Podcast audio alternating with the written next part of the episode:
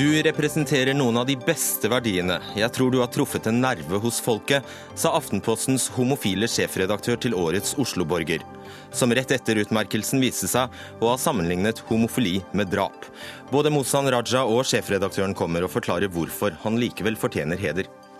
Jonas Gahr Støre vingler i innvandringspolitikken, mener Sylvi Listhaug. Statsråden driver ansvarsfraskrivelse i kjent Frp-stil, svarer Arbeiderpartiet. Og barn som blir utsatt for vold eller seksuelle overgrep, får ikke den oppfølgingen de trenger. Justisdepartementet klarer ikke ta inn over seg omfanget av overgrep mot barn, mener UNICEF.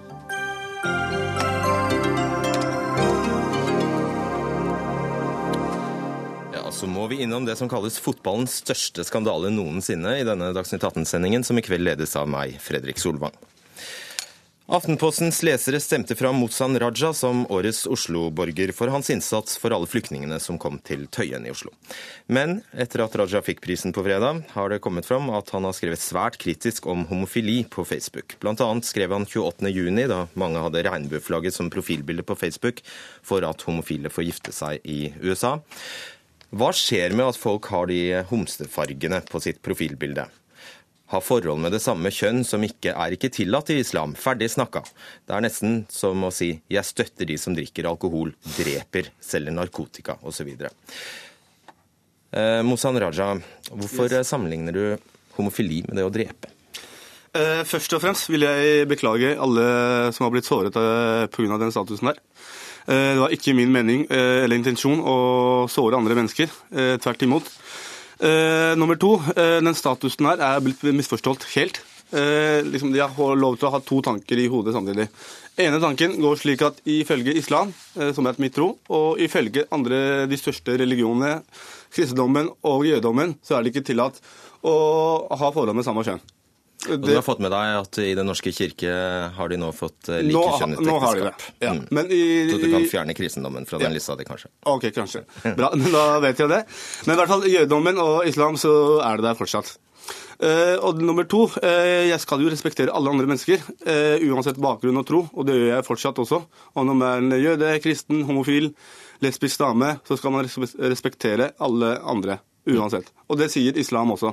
Du skal respektere alle andres tro og bakgrunn, uansett hvem det måtte være. Mm. Så er det én setning som du vet eh, folk har reagert spesielt på, og det er altså at du sammenligner, sammenligner homofili ja. med drap. Ja. Eh, det jeg mente med det, eh, er at det som er synd, er jo synd. Og ifølge islam å baksnakke en person er en synd. Stjele er en synd. Drepe en annen menneske er også en synd. Og ha forhold med samme kjønn er også synd.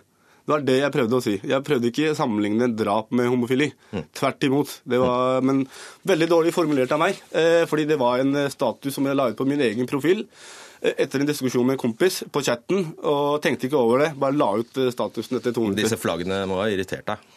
Irriterte meg ikke. Eller etter en diskusjon med kompisen min, så ble jeg litt uh, irritert. At fordi ifølge islam så er ikke det tillatt. Mm. Uh, det er jo ikke, ikke sant? Da kan ikke du men når du sier ikke tillatt, så går det jo lenger enn det på Facebook. Du sier jo at det er straffbart. På hvilken måte mener du at det er straffbart? Eh, det jeg mente med det, er at det er en synd. Eh, har litt feil. Ikke straffbart, men en synd. Eh, straffe, det er jo Gud som skal gi deg i det store bildet. Mm. Det, jeg er ingen som kan, kan, ikke dømme noen. Og jeg har ikke rett til å dømme noen heller. For meg, min del har alle lov til å elske dem de vil måtte elske. Så hva sier Koranen, hva sier islam om homofili? Jeg er ikke ekspert på det. Eh, jeg er ikke veldig praktiserende sjøl heller. Eh, det spørsmålet der kan du stille til Islamsk Råd Norge. Det de eh, sier rundt det, stiller jeg gjerne bak. Ja, for du skriver det som er forbudt, er forbudt. Bryter man regler og lover, så er det straffbart. Veldig enkelt å forstå. Det er jo egentlig det. Hvis du følger norske lover og gjør noe som er imot det, så er jo det straffbart. Mm. Selger jeg narkotika på gata, og det er imot de norske lover, så er jo det straffbart. Mm. Men det jeg mente med det, er at det er sinn. Å stjele er en synd, drepe mennesker er synd, og homofili er også synd i de største religionene. Så hva er straffen for homofili? Det vet ikke jeg. Uh, Ifølge må du spørre, spørre Islamsk Råd Norge. Hva syns ja. du? For meg så burde det ikke være noen straff i det hele tatt. Folk må ha lov til å ha sine egne meninger, ha lov til å elske dem de vil måtte elske. Det skal være, og, og vi skal respektere det. Om, og, men vi, igjen, ikke sant? jeg skal respektere deg som menneske, men jeg kan ikke respektere alle dine handlinger. Selv om du er en kompis og jeg er veldig glad i deg, og du går og slår en eh, mann på gata, så kan ikke jeg respektere den handlingen du utfører. Eh, tror du at hvis dette var kjent eh, da Aftenposten kåret deg, eller Aftenpostens lesere kåret deg til årets Oslo-borger, at du hadde blitt stemt fram? Eh, Jeg ble stemt fram eh, fordi at, eh, ikke fordi at jeg er en perfekt person, at jeg er feilfritt. Jeg gjør masse dumme ting. Det kommer jeg til å også kanskje gjøre i fremtida også. Jeg ble stemt fram pga. engasjementet mitt og jobben jeg gjorde på Tøyen sammen med Men hvis dette, dette synet ditt på homofili var kjent Det har jo egentlig ikke noe i sammenheng med den jobben. Nei, nei. Jeg ble stemt. Jeg bare spør deg hva du tror, hvordan du tror folk hadde reagert. Det vet ikke jeg. Altså. Hvis jeg hadde fått lov til å uttale meg rundt det, eh, forklart litt med min mening, så tror jeg kanskje folk hadde stemt for meg pga. engasjementet på Tøyen. Mm, også de homofile. Eh, også de homofile. Jeg har fortsatt respekt for alle homofile, og alle de undertrykkende også. Og når man gjør det svart, hvit, brun eller hvem det måtte være, så er jo gjensidig respekt det første grunnlegget. For det er ingen som blir født eh, muslim eller født eh, homofil. Vi blir jo Det er ingen som som blir født homofil. Eller liksom noe sånt, da. Du blir jo født som en menneske først. Deretter finner du ut at OK, greit. Du velger, å bli, du velger å bli homofil, eller? jeg velger ikke det. Noen blir jo født sånn. Ikke sant? Noen, no, eller jeg er født sånn eller ikke, men folk merker jo det i ettertid at de er glad i gutter enn de Ja. er i jenter. Men tror du at man blir født sånn, eller blir sånn? Det, det er jeg litt usikker på, faktisk. Jeg vet ikke om man blir født sånn eller blir sånn i ettertid. Det er jeg ikke 100% sikker på. Mm. Men Gud har jo skapt alle mennesker, ikke sant? På Gud har skapt alle mennesker. Så det kan hende at Gud også har skapt homofile, eller? Det kan godt hende. Mm. Eh, kunne du levd med f.eks. at et av søsknene dine var homofile? Kunne ha levd med det. Så klart kunne jeg leve med det. Jeg må jo respektere dem som eh, mennesker og mine brødre og søstre. Men igjen, dems handling er jo dems handling. De må svare for det sjøl. Jeg kan ikke svare for dem sine handlinger. Fordi du skriver jo 'Jeg prøver å advare mine muslimske brødre og søstre fordi det er min plikt', sier du. Som en eh, muslim så er jo mitt plikt å si ifra når du mener det du eh, mener ut ifra islam. så syns jeg det er min plikt å si ifra når en person Lever i synd. Liksom gjør noe som er synd ifølge islam. Ja. Mm. Hva skal da en homofil eller lesbisk eh, eh, muslim gjøre? Gjøre bare leve så- som eh, den vil, egentlig. Eh, man skal jo respektere, som jeg har sagt flere ganger nå, for, fordi forhold til islam er jo ikke til, tillatt, men man skal jo leve på den måten som Så den man kan leve leve det ut, da? Det er jo bare å leve det ut. Hvorfor skal du stoppe pga. det? Nei, hva skjer da med at til familien kunne akseptere det? Vil Det er jo mellom, en det? sak mellom han og hans uh, gud. Eh, Hva familien sier, det er jo irrelevant, egentlig. Det er jo mellom, en sak mellom personen og hans uh, tro og hans uh, gud, egentlig. Så du mener ikke lenger at det er straffbart? Det er en synd, ikke straffbart. Du skriver jo at det er straffbart. Jeg skriver det som jeg sa i stad, så bomma jeg litt på det. Jeg mente at det er en synd. Hvis Ser du at man kan innvende at eh, du får en pris altså for din medmenneskelighet og omtanke og sånt noe, og at det du forfekter her om homofili kan ses på som det stikk motsatte? Det kan eh, virke sånn, ja. Fordi jeg, i ettertid så ser jeg ganske aggressiv ut på den eh, statusen der. Og det var jo ikke ment, Jeg visste jo ikke at den skal bli så offentlig som den har blitt nå. Det var jo til mine venner. Har jo en åpen profil. Ja, men det visste ikke jeg. Jeg visste ikke at det var en åpen profil i det hele tatt. Du er bare dårlig på personlig Jeg er kanskje dårlig på stilling. Facebook. Uh, sorry.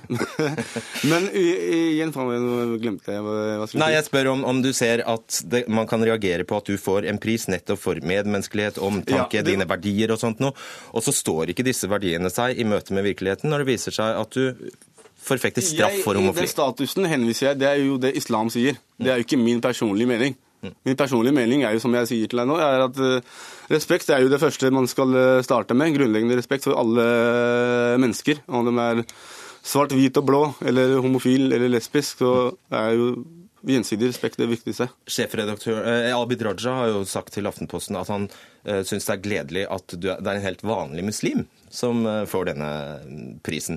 Ja. Tror du at helt vanlige muslimer deler ditt syn på homofili? Det vet ikke jeg. Jeg har mine meninger. De har sikkert sine meninger, de også. Jeg Hva kan tror ikke du? Jeg vet ikke. I Norge, altså? Muslimer i Norge. Folk har jo forskjellige meninger rundt dette også. Det er flere, Jeg har jo flere venner, eller jeg har blitt kjent med noen homofile eller noen lesbiske de siste månedene. eh, på Tøyen. Jeg ble kjent med en dame som er lesbisk, en som heter Mona. Og hun er jo en av de kuleste damene jeg noen gang har møtt. Vært på besøk hjemme hos henne osv. Men jeg kan ikke svare for hva alle her i Oslo tenker rundt dette. Det skjønner jeg. Eh, vil du mene at du selv er en moderat muslim? Jeg er muslim, moderat eller ikke. Jeg har mye Jeg veit ikke, altså. muslim. hvis jeg hadde sagt at er du en Ja, ok, jeg kan spørre annerledes. Er du en ekstrem muslim? Nei. Nei. Jeg er muslim, men jeg er ikke veldig praktiserende. Jeg ber ikke fem ganger om dagen, selv om jeg har lyst til å gjøre det. Uh, og jeg gjør masse dumme feil, og det gjør alle sammen, egentlig. Og jeg er vanlig menneske. Ja, bare to andre ting. Altså 11.9 så la du ut en lenke som sammenlignet hvor mange som ble drept i eh, USA i terrorangrepet i 2001, mm. og skrev 'inside job'. Ja. Hva mener du med det? Jeg mener at det var jo godt eh, planlagt. Eh, de veit hva de drev med. At det var USA som angrep seg selv?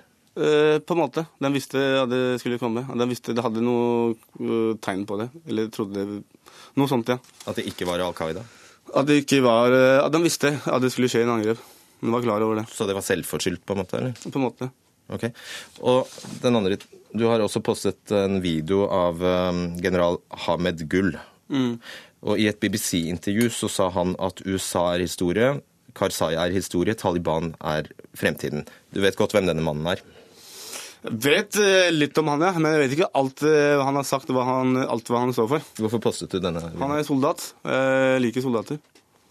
Og BBC hevder da at han er en av de fremste apologetene for, eller altså forsvarerne av Osama bin Laden. Ok, Det visste jeg ikke. Det visste du ikke? Nei. Nei. Denne prisen, den beholder du, eller? Hvis jeg fikk den prisen for å gjøre, uh, den jobben jeg gjorde i Tøyen, uh, så tror jeg jeg kommer til å beholde det. Hvis jeg fikk den prisen for at jeg er en person som er feilfritt, er 100% perfekt, så uh, kan jeg miste det. Mm. Og helt til slutt, kan du forstå at noen sitter igjen etter å ha hørt deg nå, og rett og slett ikke tror på, at, tror på deg? Folk får tro hva de vil. fordi Poenget mitt, målet mitt med å gjøre den arbeidet på Tøyen, var ikke for å vinne en pris. Det var ikke for å tilfredsstille alle sammen. Jobben min var å hjelpe de flyktningene, gi dem omsorg. Og når de kommer her i byen min, her i Norge, så skal ikke de sitte og tro nei, hvor faen kommer jeg? Her skal de få møte med kjærlighet, respekt, og det syns jeg har klart. Det er ingen som ligger ute på Tøyen lenger øh, og venter der i ti timer og gråter og friser. Alle blir fort ferdig, og jeg har oppnådd målet mitt, og det er jeg veldig stolt over. Pris eller ikke, vær så god, ta den hvis dere vil. Takk skal du ha, Mosan Raja. Ja. Skal jeg sitte, eller? Nei da, vi, vi, skal ha inn et nytt panel her. Takk skal du ha. Ja, eh, er eh, Mosan Raja en verdig vinner? Det har jo mange da spurt seg etter eh, at disse holdningene hans til homofile kom fram i lyset, som han nå hevder han ikke har. En av dem er deg, Mahmoud Farahman. Du er styremedlem i LIM, et ikke-statlig talerør for liberale og sekulære verdier. Jeg trodde Norge var verdens beste land frem til jeg så Mosan Raja bli kåret til årets Oslo-borger, skrev du. Hvorfor det? Det er litt et lite tilsvar på hans uh, statusoppdatering i går kveld, der han sier at uh, han trodde Norge var verdens beste land å bo i, inntil han fikk kritikk for hans uh, ekstreme synspunkter og uttalelser, som du har oppsummert flere av. Det syns jeg er meget uheldig, fordi de verdiene som Masin Raja står for, er dessverre ikke forenlig med, et, med en nasjon, et sted der likestilling, integrering og mangfold er de kjerneverdiene som jeg mener er kjerneverdiene i Norge. Jeg har bodd i Norge i 28 år selv og eh, mener at det er vel det vi har jobbet for i de siste 40-50 årene for å oppnå. altså. Så kaller du det ekstremt, men prøvde jo å få det ut av han eh, hvor gjengs, gjengse disse holdningene er. Hva tror du?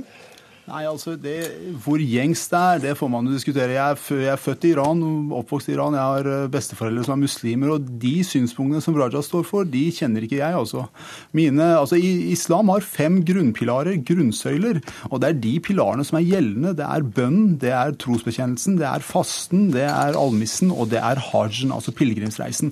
Å fordømme homofili, spre konspirasjonsteorier, og i tillegg eh, på mange altså fordømme jøder og død, spre ord som død over Israel eh, og sånt, det er jo ikke akkurat forenlig med de kjerneverdiene vi har til samfunnet her. I begrunnelsen for hvorfor Mozan Raja skulle få prisen Årets Oslo-borger, sa altså du, Aftenpostens sjefredaktør Espen Egil Hansen, følgende. Du representerer noen av de beste verdiene. Du har tatt et personlig initiativ, venter ikke, men gjennomfører selv. Jeg tror du har truffet en nerve hos folket. Når du har hørt dette her, hvilken nerve var det Raja traff? Nei, det kan du si. Eh, jeg tror det vi kan konkludere med nå, det er at Aftenposten har gjort en for dårlig jobb i eh, vår bakgrunnssjekk av eh, kandidatene til årets Oslo-borger. Ja, Gjorde du noen bakgrunnssjekk i det hele tatt? Ja, det gjorde vi, men, men den har vært for dårlig. Enkelte av disse holdningene som har kommet fram, både leserne har hatt eh, tilgang på, så de kunne vært med på en, en, en samlet vurdering av hvem de ville stemme på. Eh, denne kåringen kommer jo til ved at leserne sender inn uh, sine kandidater. På grunnlag av det gjør Aftenposten et utvalg, og så er det leserne igjen som stemmer fram, og den som får flest stemmer, vinner. Uh, betyr det, Hvordan skal, det, skal, man tolke det her? Skal, trekker dere prisen? Angrer dere? Nei, men eh, jeg er tydelig på at vi har gjort en for eh, dårlig jobb. At det har kommet fram eh, ting i etterkant som vi mener at leserne burde vite om når de stemte. Og det ansvaret ligger på Aftenposten og på meg. Hadde Mohsan Raja blitt fram, stemt fram til årets Oslo-borger, tror du, hvis man visste dette om hans holdninger? Nei, det, det, vet vi jo ikke. Nei, det vet det, vi ikke, men, men hva tror du? Det er jo mange som har vært tydelige på i dag. Eh, at de ikke ville ha stemt på Raja hvis de hadde visst om, eh, om hans holdning til homofili, f.eks. Hva syns du? Eh, om hans holdning til homofili? Burde han ha fått prisen, med tanke på det vi vet? Jeg mener at vi burde gjort en bedre jobb, fått fram informasjonen. sånn at vi hadde en mer helhetlig grunnlag for å vurdere. Det har med legitimiteten til denne kåringen å gjøre. Mm, det var ikke det jeg spurte om. Hva spurte du om? Jeg spurte om du mener han fremdeles fortjener prisen. Raja fikk prisen for et helt konkret arbeid. Eh, I nesten 90 dager, eh, eller nettet, eh, har han møtt opp på Tøyen og hjulpet flyktninger med mat og klær. Det arbeidet tror jeg står seg. Det var det som var begrunnelsen for nominasjonen og det er det vi har eh, stemt på. Så tenker jeg at noen av de eh, holdningene eh, som han har uttrykt, og som er kommet fram nå i, i etterkant, så er jeg nysgjerrig på om det er forenlig med det arbeidet, eller hvordan det kan være forenlig. Hvordan har du tenkt å finne ut det, da? Nei, nå, nå, har vi snakket med han i dag, og det skal vi, skal vi fortsette med. Og, og eh, du gjorde jo også et intervju nå som belyste noen av eh, de, disse sidene. Eh, du isolerte det jo ikke til handlingene i din begrunnelse. Du sa jo, faktisk du smørte jo hardt, men du smørte jo kraftig på og sa at han representerer noen av de beste verdiene våre i samfunnet. Ja, jeg, jeg mener det er det å gå ut, ta et privat uh, initiativ, gå og gjøre noe selv. I en, I en, situasjon. Her er det mennesker i en vanskelig situasjon som kommer til Norge helt konkret Eh, lå det mennesker på, på gaten om nettene uten mat og klær, uten informasjon om hvor de skulle. Det å gjøre det, noe helt konkret, det representerer noe av det beste som, som vi står for. Og som åpen homofil selv, så skjønner du hva jeg vil fram til.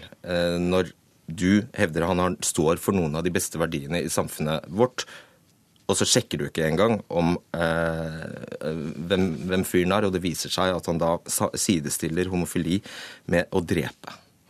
Ja, er, og, og, denne informasjonen hadde vi jo ikke. Igjen, vi gjorde en for dårlig, for dårlig eh, jobb. På en åpen Facebook-profil. Ja, På en åpen med, med mange tusen innlegg, skal, skal, vi, skal vi, si.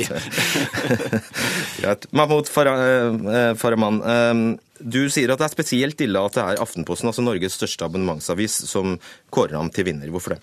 Nei, jeg synes det er eh, For det første må jeg si det er prisverdig av eh, redaktøren å eh, beklage det som har skjedd, og de innrømme at de hadde for dårlig background check. Da. Det syns jeg er veldig prisverdig. Men samtidig så begynner dette her å bli en en trend der vi ser at eh, mer ekstreme, ekstremt konservative muslimer blir eh, dratt fram som gode eksempler på muslimer. De fleste muslimer i verden er sekulære, det må vi ikke glemme. Og dermed så syns jeg det er uheldig for ved å dra fram eh, personer som Braja. Dessverre så gjør man, altså presenterer man hva som er en god muslim, hva som er gode verdier. For det er jo ikke De synspunktene Raja har, har ikke ja, vært han, noe hemmelighet. Ja, Men han gjorde jo noe godt? Ja, han gjorde noe godt. Men la oss ta eksempelet. Hvis en fra Vigrid hadde gjort det samme, hadde han blitt nominert til prisen i det hele tatt? Jo, men Moshen Raja fikk jo ikke prisen fordi han er muslim. Nei, men det, han fikk altså, arbeidet men, for det han gjorde. Men, han, han, ja, ja, det forstår jeg, men poenget mitt er som følger. Hvis en fra Vigrid hadde gjort det samme, hadde han blitt nominert i det hele tatt. Det er ikke muslim jeg snakker om, men det er signaleffekten man sender. Det må man være klar over. At dette her blir jo presentert som et godt integrert person med de synspunktene han har, som er vanskelig å si er forenlig med de grunnverdiene som finnes i dette samfunnet. Noe som du også tidligere i denne diskusjonen sa deg enig i. Jo, men jeg bare reagerer på at du sier at, han, at, at det er fordi han er muslim, og det har ikke vært en del av hvorfor han har eh, dratt fram. Hansen, kunne f.eks. Nina Karin Monsen, som da er uttalt motstander av homofiles rett til å få barn, fått prisen dersom hun var grei mot flyktninger? Eh, det som er forskjellen her, det er at der vet vi hva hun står for. Hun har vært åpen i det offentlige rom. Det er veldebattert. Og det er et av dilemmaene med akkurat denne kåringen, hvor vi eh, noen ganger har veldig kjente mennesker, eh, hvor vi vet hva de står for. De er eh, vel prøvd og diskutert i programmer som eh, dette. Skal vi huske at Raja er en, må vi kunne si, er en privatperson Eh, som ikke oppsøkte offentligheten, men som gikk ut på gaten og hjalp. og derfor det eh, noen har... Han har jo blitt intervjuet utallige ganger på Tøyen. Ja, nå, ja et, etter hvert så har etter Og det, sikkert, det, har sikkert bidratt til hans nominasjon? Ja, un, underveis, men da han begynte dette, så, så, var han jo ingen samfunnsdebattant. Det er for det arbeidet han har gjort for flyktninger, han er nå er blitt dratt fram. Sånn at, at jeg mener det er to veldig ulike saker. Farman, hva mener du Aftenposten bør gjøre nå? Nei, Jeg mener at Aftenposten, eh, som de nå på mange måter sier selv, er i en prosess med å vurdere hva de skal gjøre med denne prisen. Jeg mener at man bør også se på eksempler med Ali Trond, Trond Ali, der han, ja, der han, ble fratatt denne fortjenestesmedaljen. Det bør vurderes, for disse verdiene som uh, Raja står for, er dessverre ikke forenlig med de grunnverdiene som Norge er myntet på, er eh, tuftet på. Beklager. Det er viktig å huske på det, og hvilken signaleffekt vi sender til uh, unge innvandrere i Norge i dag. Hvis kan Harald kan, kan vel du òg? Ja, men dette, nå skal vi jo huske på, dette er jo ikke en pris for det å være et perfekt menneske.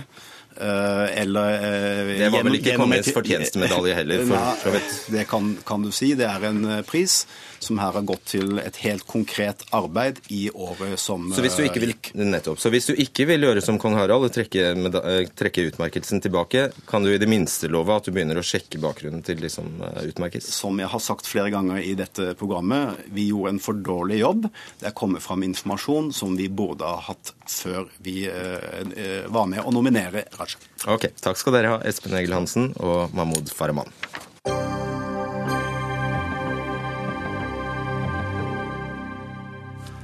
Arbeiderpartiet vingler i innvandringsdebatten, mener den nye innvandrings- og integreringsministeren. Ifølge Sylvi Listhaug har partiet og Jonas Gahr Støre snudd trill rundt i innvandringspolitikken. Beskyldningen kommer i et intervju med Dagbladet i dag. Ifølge prognosene vil det komme til sammen 33 000 flyktninger til Norge i løpet av eh, neste år. Det er jeg ikke så sikker på om vi har dekning for, men iallfall det står her. Innvandrings- og integreringsminister Sylvi Listhaug, hva slags eh, vingling er det du sikter til? Ja, det som er situasjonen er at I 2014 så gikk asylankomstene til Norge ned med 14 eh, I resten av Europa så gikk det opp med 40% Det gikk også ned i starten av 2015. Eh, så har jo Arbeiderpartiet tradisjonelt stått for en streng og rettferdig innvandringspolitikk under Jens Stoltenberg. Men plutselig på landsmøtet så gikk eh, Jonas Gahr Støre på talerstolen og ønska å invitere 10 000 syrere til Norge. Kvoteflyktninger. Ja. Og Det avstedkom jo da at det ble et asylforlik i Stortinget der man vedtok å ta imot 8000. Og Bare få uker etter det så så vi at tilstrømminga til Norge gikk kraftig opp. Eh, spesielt av syrere.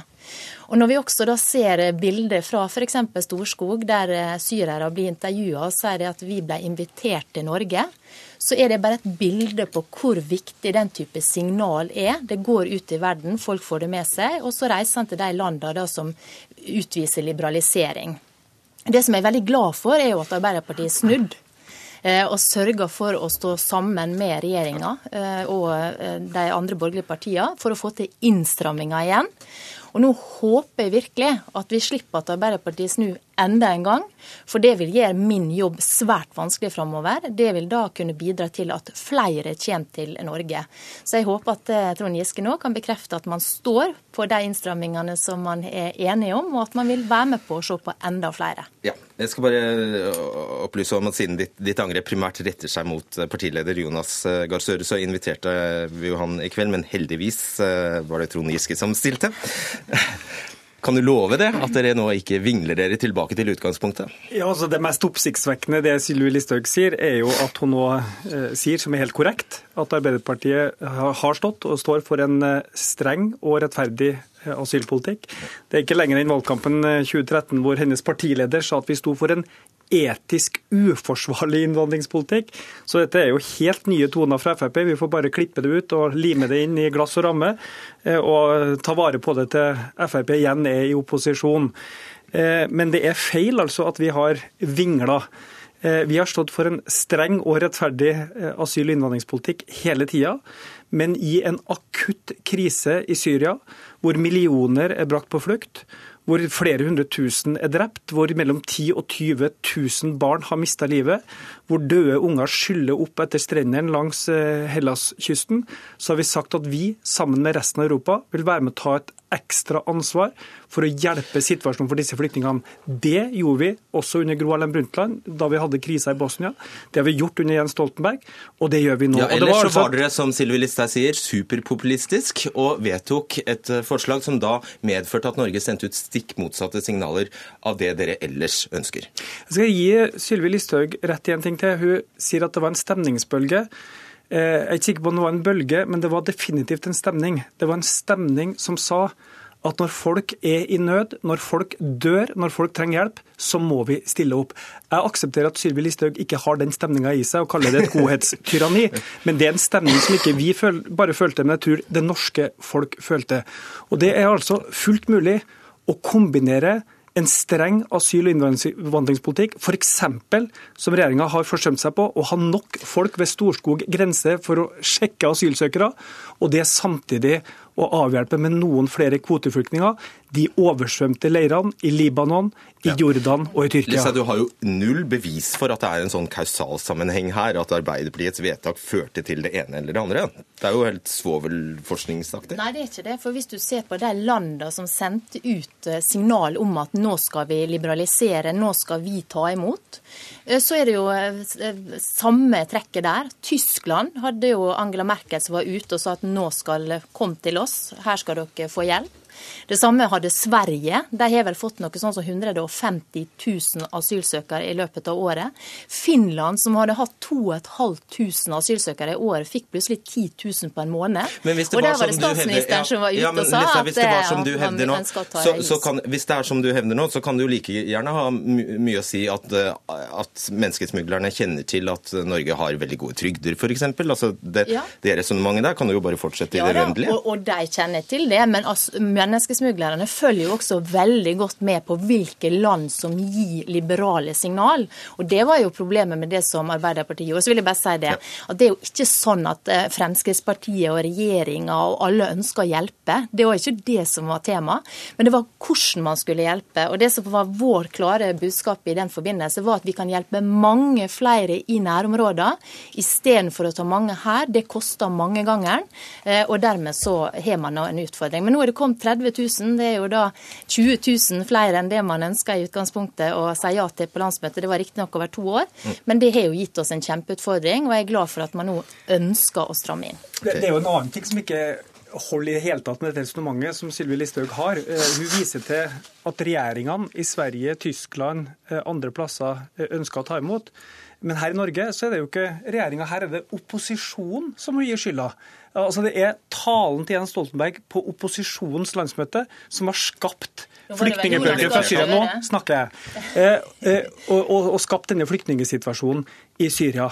Det er jo en total ansvarsfraskrivelse. Altså Nå ramse opp Frp har sittet med justisministeren, ansvar for asyl- og innvandringspolitikken. Frp har sittet med arbeids- og sosialministeren, ansvar for trygdeordningene.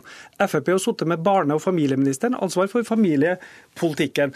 De har til og med sittet med finansministeren, som finansierer politiet, grensekontrollen, UDI.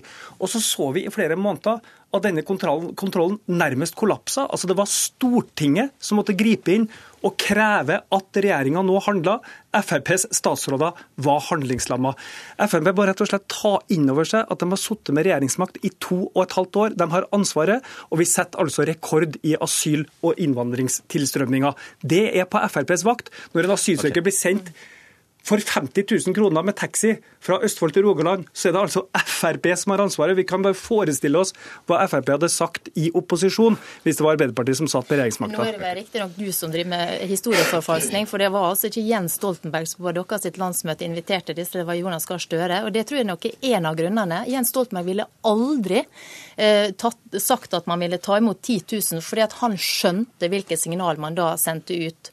Og så er det jo men er sånn da, enig at det er du som sitter i regjeringsmakt? Er du enig at du sitter i regjering? Ja, men Giske, er du enig at det innebærer ja, ansvar for politikken? Men at det er du som må gjennomføre og ikke skylde på opposisjonen? Om det er arbeidsløsheten, om det er kommuneøkonomien og Nå- om det er innvandringspolitikken? Nå hisser du det veldig godt opp, og det skjønner jeg veldig godt. fordi at Poenget var at i 2014 så gikk altså asylankomstene i Norge ned med 14% Resten av Europa hadde 40% økning. Så da var det FrPs ære? Ja, altså det Men det er ikke FrPs de ansvar når det går opp i 2015. Var, det var de signalene som gikk ut da. Mm. Så var det et flertall på Stortinget der Frp ikke var med, som satte seg ned og laga et asylforlik der man sa han ville ta imot 8000.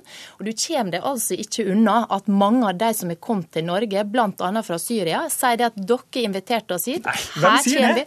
Jo, men det Det er jo du til som og med sier det. Det er ikke asylsøkerne som sier det. Det er bare- Frp som sier dette. Da må du gå inn og se Og på mange statsministeren din var med på dette forliket. Da må du gå inn Mener og du at statsministeren din driver en uansvarlig da, asylpolitikk? da må du gå inn og ja se, da må du gå inn og se på nyhetssendinga Men fra Finnmark, Men du, der dette- folk sa det. Og dessuten så sa også politimesteren Men i dette er et Finnmark direkte spørsmål, Sylvi akkurat Listhaug. det. Statsministeren din var med på dette forliket. Tolv Høyre-statsråder Høyre var med på dette forliket. Vil du si at de driver en uansvarlig asyl- og innvandringspolitikk som fører til en asylstrøm til Norge? Ja eller nei? De, uh, Ja, det- var det var et med på, ja, de var med på et forlik som faktisk bidro til at vi tar 8000 over tre år, istedenfor Ja. 10 000 over to år, som og det var dere ønska. Ja, Så det var nettopp. 8000 på tre år var ansvarlig, var ansvarlig. men 10 000 på to år var Ja men da, uansvarlig. da vet jo altså, verden det, da. Fremskrittspartiet ønsker i utgangspunktet at vi ikke skulle si ja, men når det først ble et vedtak med et flertall i Stortinget, så var i hvert fall 8000 over tre år langt bedre enn 10 000 over to år, som du ønsker. Og så håper jeg at du kan bekrefte, nå skal jeg før nyttår sende ut på høring en rekke forslag til innstramminger, og jeg håper at Arbeiderpartiet kan stille seg bak alle de, sånn at vi nå når våren kommer, vi vet at asyltilstrømmingene tradisjonelt går opp, Du at vi kan få få- deg så lav som mulig. Du skal få en sjanse å vise at du er mer handlekraftig enn din forgjenger, men historien taler sin egen sak. Da du var eldrebyråd i Oslo, skyldte du på andre for eldreomsorgen. Da du var landbruksminister, var det butikkene som hadde ansvar for matvareprisene. Og nå er det altså Arbeiderpartiet som har ansvar for asylpolitikken. Vi tar gjerne over, men jeg tror vi skal vinne valget Jeg tar, nå, jeg tar nå gjerne ansvar for alt som er med landbrukspolitikken, og jeg, for det er jo skjedd mer på to år enn det gjorde under åtte års rød-grønt styre. Og pilene peker opp, så det går nok veldig, veldig bra. Men uansett, det var snøen som falt i går. Takk skal dere ha, Sylvi Listhaug og Trond Giske.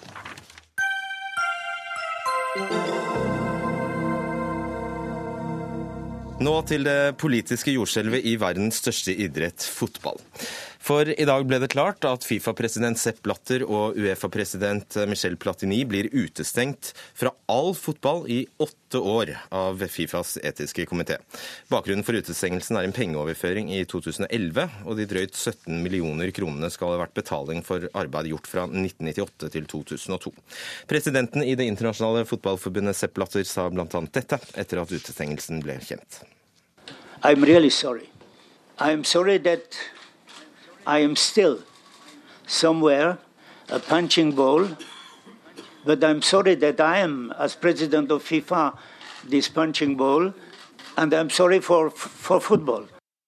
Ja, og Både Blatter og Platini anker til idrettens eh, voldgiftsrett. Yngve Hallén, du er president i Norges Fotballforbund og sitter i den etiske komiteen, men har ikke vært direkte involvert i saken. Du hører, hører altså at Blatter eh, beklager her, men han sier han er uskyldig, er med punching ball. Eh, Hvordan vil du karakterisere utestengelsen i dag i politisk forstand?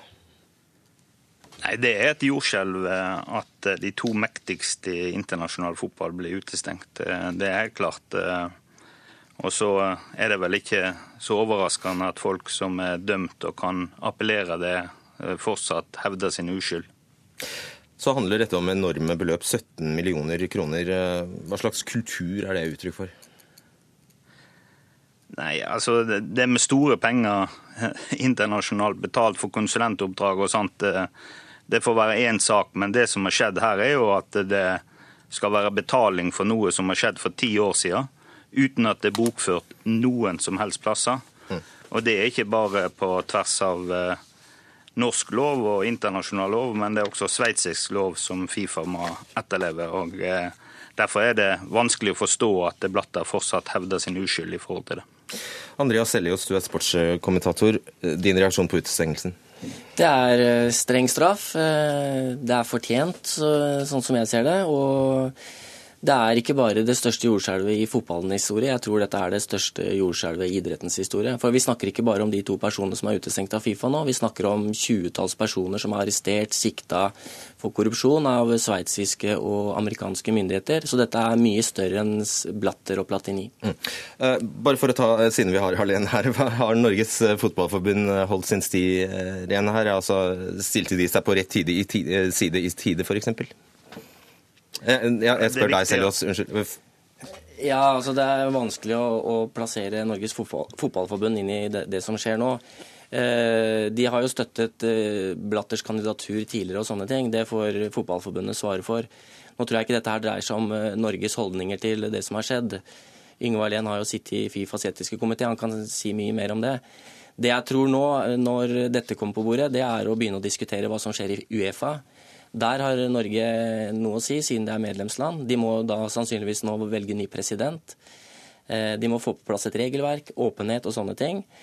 Eh, så, ja, så jeg tror at vi må begynne å se framover nå og bli ferdig med den ukulturen og de personene vi snakker om nå. Mm. Harlen, trakk dere støtten til Blatter i tide?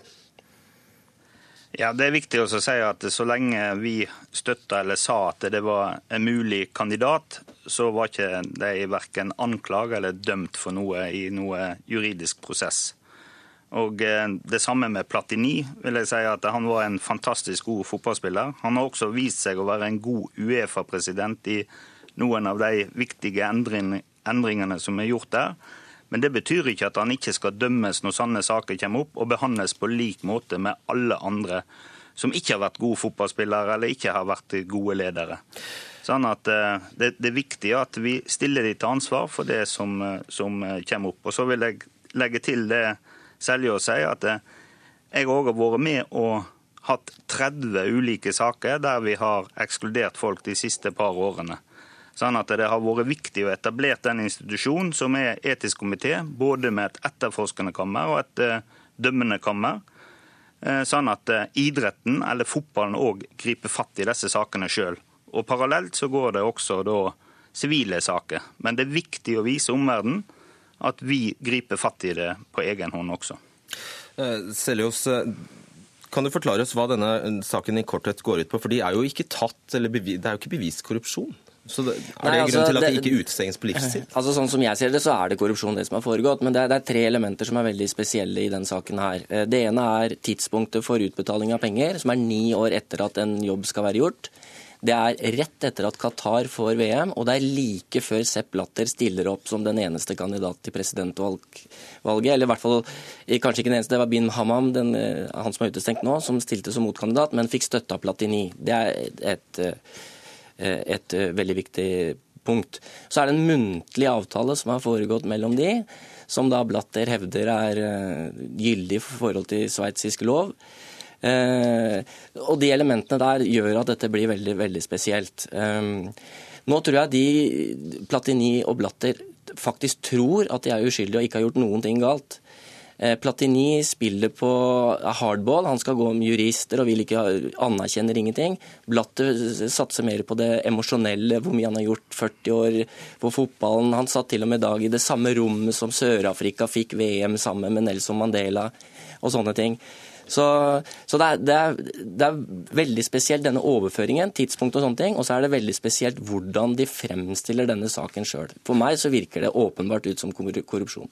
Og, uh, Harlen... det, det, er viktig å understreke at, at uh, det er lov å ha muntlig avtale. Det er faktisk lov i Norge òg. Men når avtalen inngås, så skal det gå fram av de bøkene en har. Og regnskapet er en del av det. Og det er det aldri gjort. Mm. I tillegg til det så har de heller ikke informert eh, folk som sitter i styret med dem, om at dette er skjedd. Og det er klart at eh, Den informasjonen må komme fram, for ellers så kan du få mistanke om at det er bindinger som korrupsjon. Og, og det er brudd, helt klart brudd på eh, etisk kode i Fifa. Hva kan skje i denne voldgiftsretten? Har den noen sjanse? Hvis du spør meg, så, så, så, må jeg bare si det at det viser seg i de andre sakene vi har hatt, at når det gjelder saker knytta til korrupsjon, så har KAS vært minst like strenge som etisk eh, ja, Det er forkortelsen for denne voldgiftsretten. Altså. Uh, hva med framtiden til Platini, som altså hadde et sterkt ønske om å bli uh, ny president i Fifa? Ja, er, Han stiller veldig dårlig. Jeg tror han er helt ferdig. Han er ferdig for jeg tror at han blir dømt i KAS, eller at dommen opprettholdes. Og så har han jo sagt så veldig mye om Fifa nå. Eh, om at Fifas etiske komité jobber mot den. Han, han, på mange måter trosser den institusjonen som han da eventuelt skal stille til valg til. Så det er en veldig, veldig spesiell situasjon. Og så vil jeg også tilføye at det ser ikke så veldig lyst ut med de presidentkandidatene som er nå. Der er det mye grums, så det blir veldig spennende å se hva som skjer i februar. Er det en italiener, Gianni Infantino? ja, han er jo eh, Platinis generalsekretær og har steppet inn nå som eh, holdt på å si vara-presidentkandidat. Men eh, han kommer jo da til å stille nå, fordi Platini mest sannsynligvis er ute. Hva tror du om det, Harlem? Nei, Dette er en spesiell situasjon. og det er eh, Infantino, som er generalsekretær i Uefa, stiller, men han har jo sagt at han trekker sitt kandidatur hvis Platini går på igjen. Altså hvis han er kandidat igjen. Og Da blir det vanskelig å støtte han og gå ut med åpen støtte nå. For da sitter vi igjen med å ta et nytt valg etterpå. Og for Fotballforbundet i Norge så har vi vært tydelige på at, eh, at eh, Platini er en kandidat vi ikke kan velge med, med denne saken mm. i bakhånd. Men Harlem, dette er jo også storpolitikk. for Jeg skjønte jo sånn at, at Blatter eh, hadde sine støttespillere bl.a. i Afrika og, og Asia. Eh, hvordan skal dette fotballsamfunnet nå holde sammen hvis det, det samholdet der smadres? Ja, det er riktig det du sier. Dette er en veldig veldig vanskelig sak. På grunn av at eh, vi, får ikke gjennomført, vi kan få gjennomført reformene i, i kongresshallen i Zürich i Fifa. Eh, det er ikke det største problemet, men vi skal jo gjennomføre det ute i hele verden etterpå. Alle skal forholde seg til det og følge disse reglene og respektere de. Eh, og Det er en kjempestor oppgave som ligger foran en, en ny Fifa-president. Og Derfor må den ha tilslutning fra store deler av verden. For Hvis ikke så vil dette bli en umulig oppgave.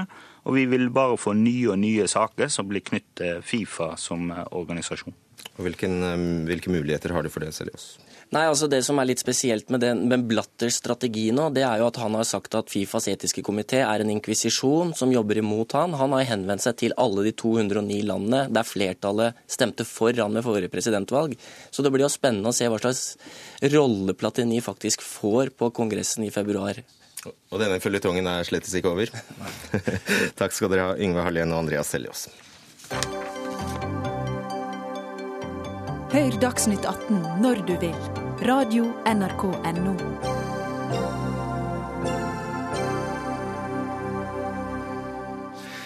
Det går mot meget vanskelige forhandlinger etter sjokkvalget i Spania. For etter nattas valgresultat er det ingen klar vinner i det spanske valget. Siden Franco-diktaturets fall for 40 år siden har spansk politikk vært dominert av to store partier, de konservative Partido Popular og sosialdemokratene PSO.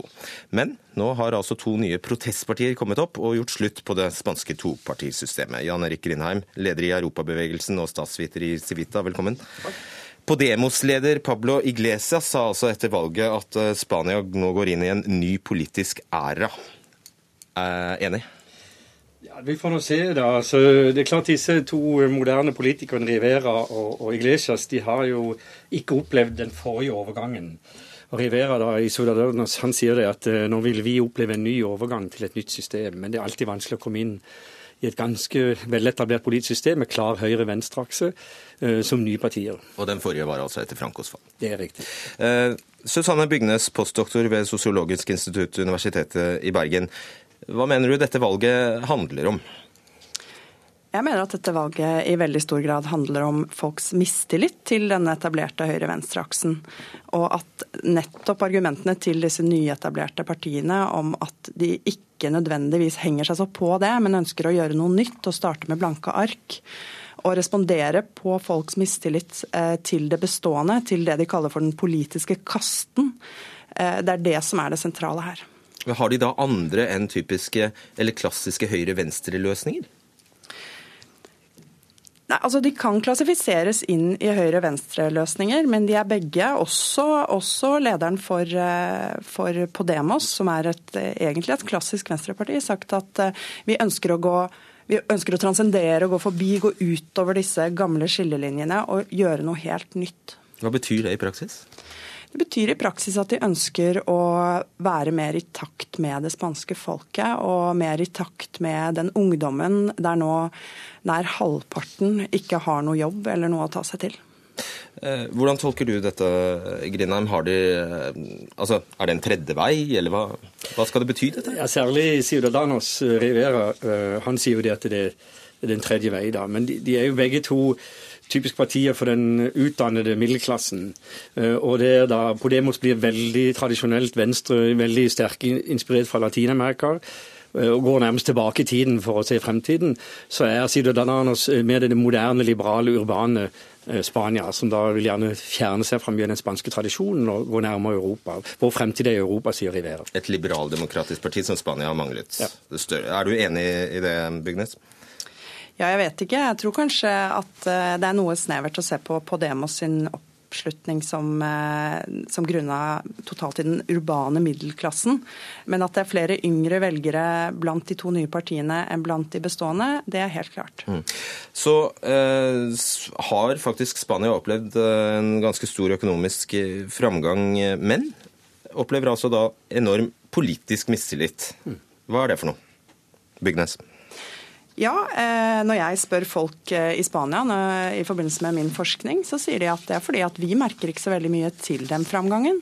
Selv om det skapes noe mer jobber, arbeidsledighetsprosenten har eh, gått ned med om lag ett prosentpoeng eh, siden toppen, så, eh, så er de skap, eh, jobbene som skapes, så pill råtne. Det er midlertidige kontrakter, det er elendige lønninger. Mange får seriøse tilbud om å jobbe gratis.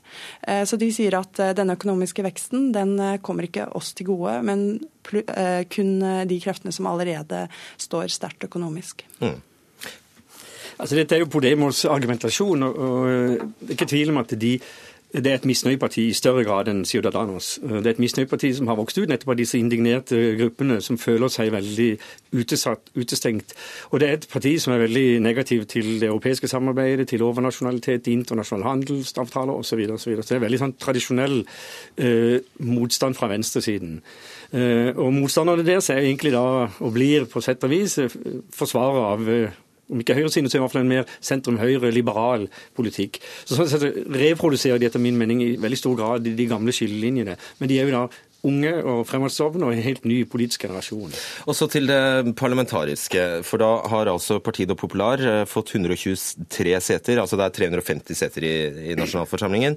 Partido Popular har fått 123, Sosialdemokratene 90, Podemos 69 og Ciudadanos 40. Eh, seter, og andre har fått 28 eh, seter. Så da, Bygnes, da, da blir dette vanskelig, Åkesson? Ja, jeg får sitere en eh, klok mann før i dag som sa at dette er politisk sjakk. Nå er det bare å sitte og vente og se hva førstemann går ut med, og så får vi følge på. Det er nesten helt umulig å si noe, si noe, ordentlig realistisk om hva som egentlig kommer til å komme ut av den situasjonen. Det som er helt klart, er at de skal ha sin første avstemning om statsministeren den 13. januar. Eh, og hvis eh, det ikke blir danna noen regjering eh, innen 15. mars, så kalles det til nyvalg. Men initiativet Grindheim, det ligger altså hos det største partiet, Partido Popular? Ja, uh, Marianne Rajoy sier jo at eh, vi er fremdeles størst, og, vi skal da ta initiativ. Men det er tre muligheter, sies det. Det er en storkoalisjon som Spania ikke har hatt. Spania har aldri hatt noen koalisjonsregjering. De har hatt langtsittende mindretallsregjeringer eller flertallsregjeringer. Så dette er noe helt nytt. Det andre er da en koalisjon av tapere, og det har Ciudadanos leder Rivera sagt vi vil ikke være noen koalisjon av tapere. Og det tredje er da en regional allianse, enten med venstresiden og regionalpartier og Podemos og PSOE, eller eh, Partido Popular på høyresiden. Er det Bygnes eh, noen av de store, eller tar de to store partiene inn over seg dette signalet? Altså, Har de lært noe av dette? her? Ja, altså De har vel eh, til dels eh, flytta sin eh, Altså hva de fokuserer på når de snakker, ettersom disse her nye partiene har kommet på banen. Og Det er spesielt spørsmål om korrupsjon, som også nå har blitt et veldig stort og viktig spørsmål for de to etablerte partiene, fordi at det har blitt satt så, i så stor grad på dagsorden av de to nye partiene. Mm. Og til slutt, Grindheim, Det er jo en ganske imponerende valgdeltakelse, 80% så det må, også tyde, det må jo tyde på stort engasjement? Ja, og Det gikk opp fra sist valg i 2011, så det er veldig interessant. Og Vi ser jo også høy valgdeltakelse i de regionale valg, og også relativt sett til europaparlamentsvalget. Så det er jo veldig bra med det spanske politiske systemet. Mm. Det blir spennende å se. Ja. Takk skal dere ha, Jan Erik Grindheim og Susanne Bygnes.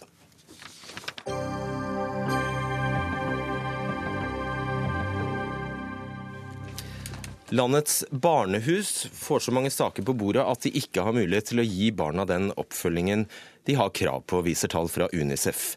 Etter en regelendring i høst som åpner for at avhør av barn kan gjennomføres uten dommer til stede, har barnehusene opplevd en så stor pågang av barn som har vært utsatt for vold eller seksuelle overgrep, at de ikke klarer å følge opp barna.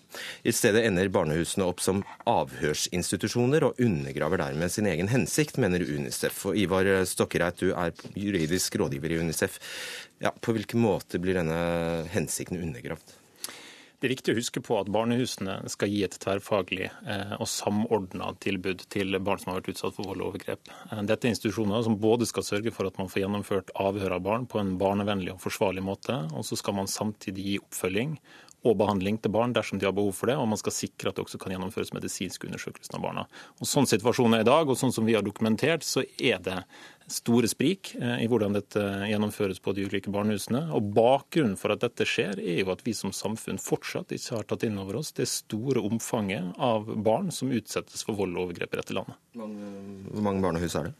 I dag har vi ti barnehus som er spredt rundt i hele landet. I fjor så ble det gjennomført ca. 3500 avhør på disse husene. I år ligger vi an til å gjennomføre 4500 avhør. Det viser at i år, som i de foregående årene, så har det vært en økning på i overkant av 30% når det gjelder barn som er innom disse husene. Det er en utvikling vi setter pris på, og det er en viktig og riktig utvikling. Men utfordringen er at vi ikke klarer å dimensjonere det tilbudet vi gir disse barna, i samsvar med det reelle behovet som er. For dette avlaster vel påtalemyndigheten? Det avlaster nok ikke påtalemyndigheten, eh, men det er nok med på å tilrettelegge for at politiet kan få gjennomført mye bedre avhør av disse barna. Dette er jo et senter eh, eller institusjoner som skal bidra til å få gjennomført avhør av barn på en barnesensitiv måte, som også skal gi barna muligheten til å forklare seg på en bedre måte enn de ville gjort på politistasjonene. Men nå må vi også sørge for at vi klarer å gi barna den oppfølgingen de har behov for. Og da, Anders Anundsen, justisminister for eh, Fremskrittspartiet, er det vel egentlig bare snakk om penger, penger, penger? Nei da, det er snakk om betydelig mer enn det også må huske at barnehuset er en utrolig positiv og viktig, eller har en viktig funksjon for de som er de svakeste av de svake blant oss. og At eh, barn blir utsatt for alvorlig kriminalitet. Eh, og Da skal de få tilbud på barnehuset som gjør at de kan avgi vitneforklaring og fortelle om sine eh, opplevelser i et ordentlig og ryddig miljø med tverrfaglig bistand. Det som har skjedd, er at vi de siste tre åra har sett nesten en dobling av barn som kommer inn i eh, det systemet. Det er jo en positiv utvikling. og Grunnen til at jeg sier det, er fordi det er store mørketall. og Det at eh, flere sånne saker kommer opp, det er viktig og det er riktig. Derfor har jo regjeringa eh, gjennomført flere tiltak for å møte den nye utviklinga. Bl.a. har vi gjennomført en ny avhørsreform for å styrke barnas rettssikkerhet. Vi har satsa mye på barnehusene de siste årene, og i budsjettet for 2016 ligger det nå inne 83 millioner kroner mer for å styrke barnehusets kapasitet. Og I tillegg er det gjennomført en rekke organisatoriske endringer for å sikre at politiet eh, vet hva som skal til for å sikre at barna får den oppfølginga som er nødvendig. Men så, så, eh, Jeg har bare lyst til å konfrontere deg med et, eh, en statistikk. Altså Ved barnehuset i Stavanger fikk da 167 barn og foresatte terapi i, i 2014, mens det i år er antallet nede i 55. Det er vel, de tallene taler vel for seg selv? Ja, Det tallet der er ikke jeg kjent med. Det høres veldig underlig ut. Men det er riktig at det er stor forskjell på, mellom barnehusene på to måter. Det ene er at det er uh, veldig stor forskjell i antall saker, men det er også forskjell på kompleksiteten i sakene. Det er veldig vanskelig å bruke et sånt lite statistisk bilde på hva som er realitetene. At produksjonen i hermetegn eh, er lavere i en periode, kan skyldes at det har vært spesielt tunge saker som har vært veldig krevende. og da jobber en jo da for at en skal samarbeide med andre barnehus for å avlaste. Nå er det en lovfestet rett som barna har til å bli avhørt i barnehus. Alle barn skal avhøres i barnehus hvis ikke det er helt åpenbart i strid med deres interesser. Så Vi har styrket barnas rettssikkerhet, vi styrker økonomien og vi styrker oppfølgingen av disse barna. Så dette er egentlig en gladsak, ikke en negativ sak som UNICEF forsøker å fremstille det som. Du har misforstått eh, helt. Altså Den realiteten og de tallene vi har hentet inn, viser at det har vært en faktisk reduksjon i alle barnehusene i landet når det gjelder oppfølgingen eh, som gis til barn etter at de har gjennomført avhør. Og Konsekvensen av at vi ikke klarer å gi disse barna nødvendig oppfølging, kan være dramatiske.